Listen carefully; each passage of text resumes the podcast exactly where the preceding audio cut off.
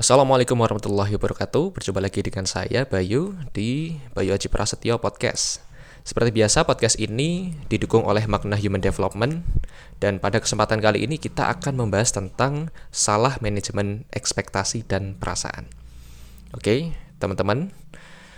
Seperti yang telah kita ketahui bersama ya Fenomena zaman sekarang itu perlu kita akui bahwa orang sekarang suka yang namanya instan Bahkan ada yang bilang bahwa kita ini generasi generasi instan, khususnya milenial disebut sebagai generasi instan. Bagaimana tidak? Karena memang perlu diakui bahwa ketika kita pengennya hari ini, kalau bisa besok harus jadi. Ya, besok harus dimiliki. Bahkan mungkin ya pengennya sekarang harus jadi sekarang juga. Kalau orang Jawa bilang namanya sak dek sak nyet gitu ya. Satu uh, sekali pengen harus jadi saat itu juga. Nah, Akibatnya timbul masalah yaitu orang cenderung mudah menyerah ya. Putus asa dan sulit bahagia. Karena bagaimana tidak? Kita pengen katakanlah lihat orang gitu wah dia udah bisa nih aku juga harus bisa gitu kan. Padahal e, kondisinya berbeda.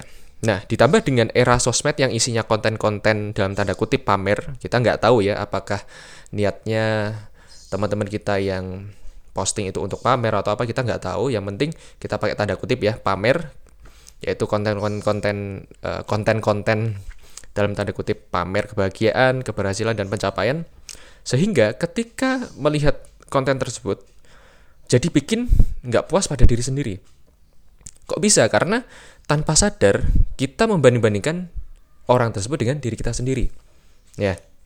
Sekali lagi disadari atau tidak ini adalah masalah ya. Masalah yang pada ujungnya bikin orang yang pertama jadi nggak bahagia ya karena merasa kok dia umur sekian udah udah bisa begini begitu udah mencapai ini itu kok aku belum gitu ya. Yang kedua sehingga mudah menyerah ya.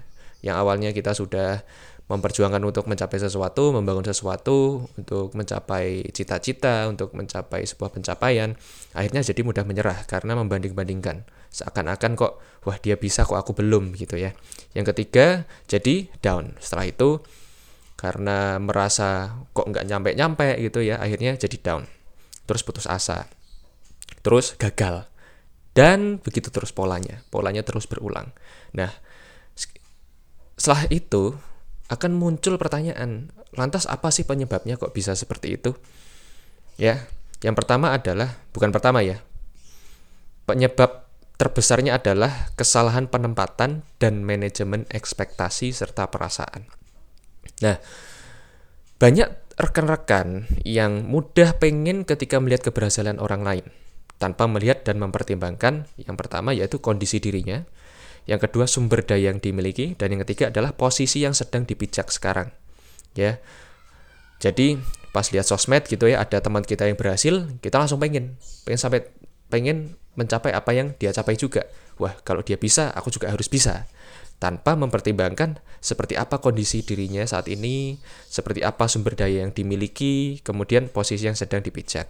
Dan kita pun juga sering kali tidak melihat seperti apa proses orang yang memposting pencapaian tersebut. Kan kita nggak tahu seperti apa berdarah-darahnya dia, dalam tanda kutip, memperjuangkan pencapaian tersebut. Kita nggak akan pernah tahu.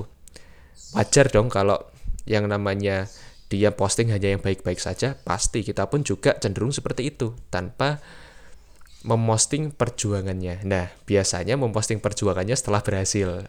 Katanya untuk motivasi, padahal bisa jadi juga demotivasi. Sebenarnya bukan salah yang memposting, tetapi sekali lagi salah diri kita yang salah menempatkan ekspektasi, manajemen ekspektasi dan manajemen perasaan. Nah, ibaratnya nih fenomena tersebut tuh sama kayak kalau misal kita lihat orang baru lulus kuliah ya.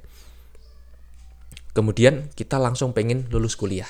Wah dia lulus kuliah nih. Gue juga pengen ah lulus kuliah. Kemudian pas kita sudah berusaha pengen lulus kuliah kok nggak lulus lulus ya? Akhirnya down. Waduh gue udah berusaha ini udah gini gitu gini gitu kok nggak lulus lulus kuliah ya? Eh nggak taunya kitanya masih kelas 6 SD. Posisi kita masih kelas 6 SD. Pengetahuan kita masih sebatas kelas 6 SD. Sumber daya kita masih sekelas 6, kelas 6 SD. Lah kok tiba-tiba pengen lulus kuliah? Harusnya apa? Harusnya kita menempatkan diri kita sebagai seorang 6, kelas 6 SD. Oke, lulus kuliah kita tempatkan sebagai visi. Kemudian kita juga perlu realistis bahwa setelah kelas 6 SD kita perlu menjajaki yang namanya kelas 1 SMP. Nah, sehingga kita tidak salah manajemen ekspektasi. Kita tidak salah manajemen perasaan. Karena sekali lagi inilah penyebab terbesar kenapa generasi sekarang pengen instan dan mudah menyerah karena ini salah manajemen ekspektasi. Ya, ibaratnya nih baru pengen diet ya, pengen diet, pengen badannya bagus, besoknya atau sebulan kemudian pengen hasilnya kayak katakanlah binaragawan yang badannya udah kekar gitu ya, udah berotot, sudah kotak-kotak. Kalau yang cewek mungkin pengen melihat idolanya badannya udah mulai udah membentuk, udah curve-nya udah kelihatan, padahal dia baru diet sebulan. Sedangkan yang dia lihat itu bertahun-tahun baru bisa seperti itu. Seperti itu. Nah, inilah yang disebut sebagai salah manajemen ekspektasi. Seharusnya misal gini, baru diet sehari, terus kok lihat berat badannya naik dikit, langsung menyerah. Waduh, dietku gagal. Padahal, ini sedikit sharing ya, berat badan manusia itu terdiri banyak sekali komponen. Ada air, ada lemak, ada daging, ada makanan yang masuk, udara juga dan sebagainya. Bisa jadi ya, bisa jadi dia naik berat badan karena habis makan, karena habis minum. Karena makanan dan minuman kita kan punya masa gitu ya. Saya jadi teringat ketika dulu saya mengikuti kejuaraan bela diri. Ketika itu saya berat badan saya kurang 2 kilo. Karena kalau nggak nambah 2 kilo saya nggak bisa mengikuti kejuaraan tersebut, akhirnya saya makan ya. Saya makan banyak. Jadi misal pagi ini saya nimbang gitu ya, saya kurang 2 kilo. Pagi itu juga saya makan waktu itu makan nasi padang berapa porsi gitu ya terus makan pisang terus minum susu apa itu UHT satu kotak gede gitu. Kemudian saya datang lagi untuk nimbang dan berat badan saya pas. Nah itu artinya apa?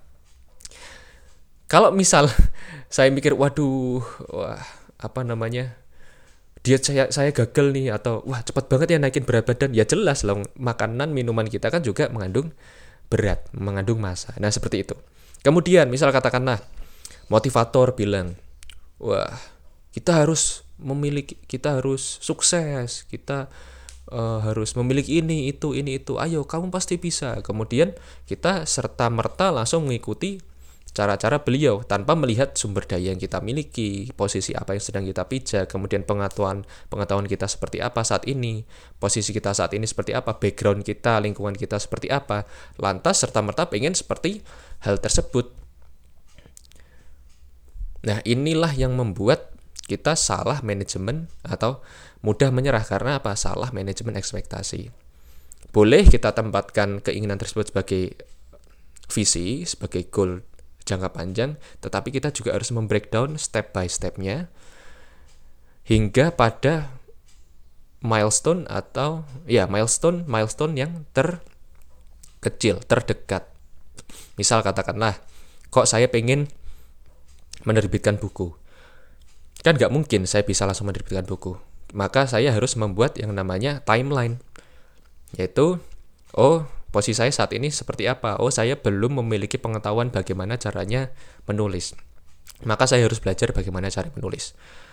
Setelah itu, saya harus praktek dan latihan yang namanya menulis saya mungkin nulis artikel dulu, saya mungkin nulis tulisan-tulisan yang pendek dulu. Kemudian setelah itu saya mulai membuat kerangka. Setelah membuat kerangka, saya mulai menuliskan. Setelah menuliskan, saya saya menyelesaikan naskah tersebut dan seterusnya hingga sampai di goal yang kita inginkan. So, begitu teman-teman yang baik hatinya, weh, kayak motivator ya, teman-teman yang baik hatinya. Jadi sekali lagi yuk kita jangan sampai salah manajemen ekspektasi dan manajemen perasaan. Ya. Kalaupun misal kita menemui tantangan kemudian kita gagal it's okay itu part of a process ya sehingga yang paling bahaya tuh ya yang paling bahaya adalah perasaan merasa gagalnya itu loh ya karena ketika sudah merasa gagal itu akan mohon maaf. Akan narik ke hal-hal yang lainnya. Ya kita jadi menyerah kemudian kita jadi nggak pengen action lagi ya jadi program di bawah sadar sehingga berpola seperti itu terus. Makanya manaj selain manajemen ekspektasi kita juga perlu pinter yang namanya manajemen perasaan. Oke? Saya kira itu saja. Mudah-mudahan bermanfaat. Silakan share ke teman-teman saudara atau siapa pun yang anda kira membutuhkan audio ini saya pamit. Terima kasih. Wassalamualaikum warahmatullahi wabarakatuh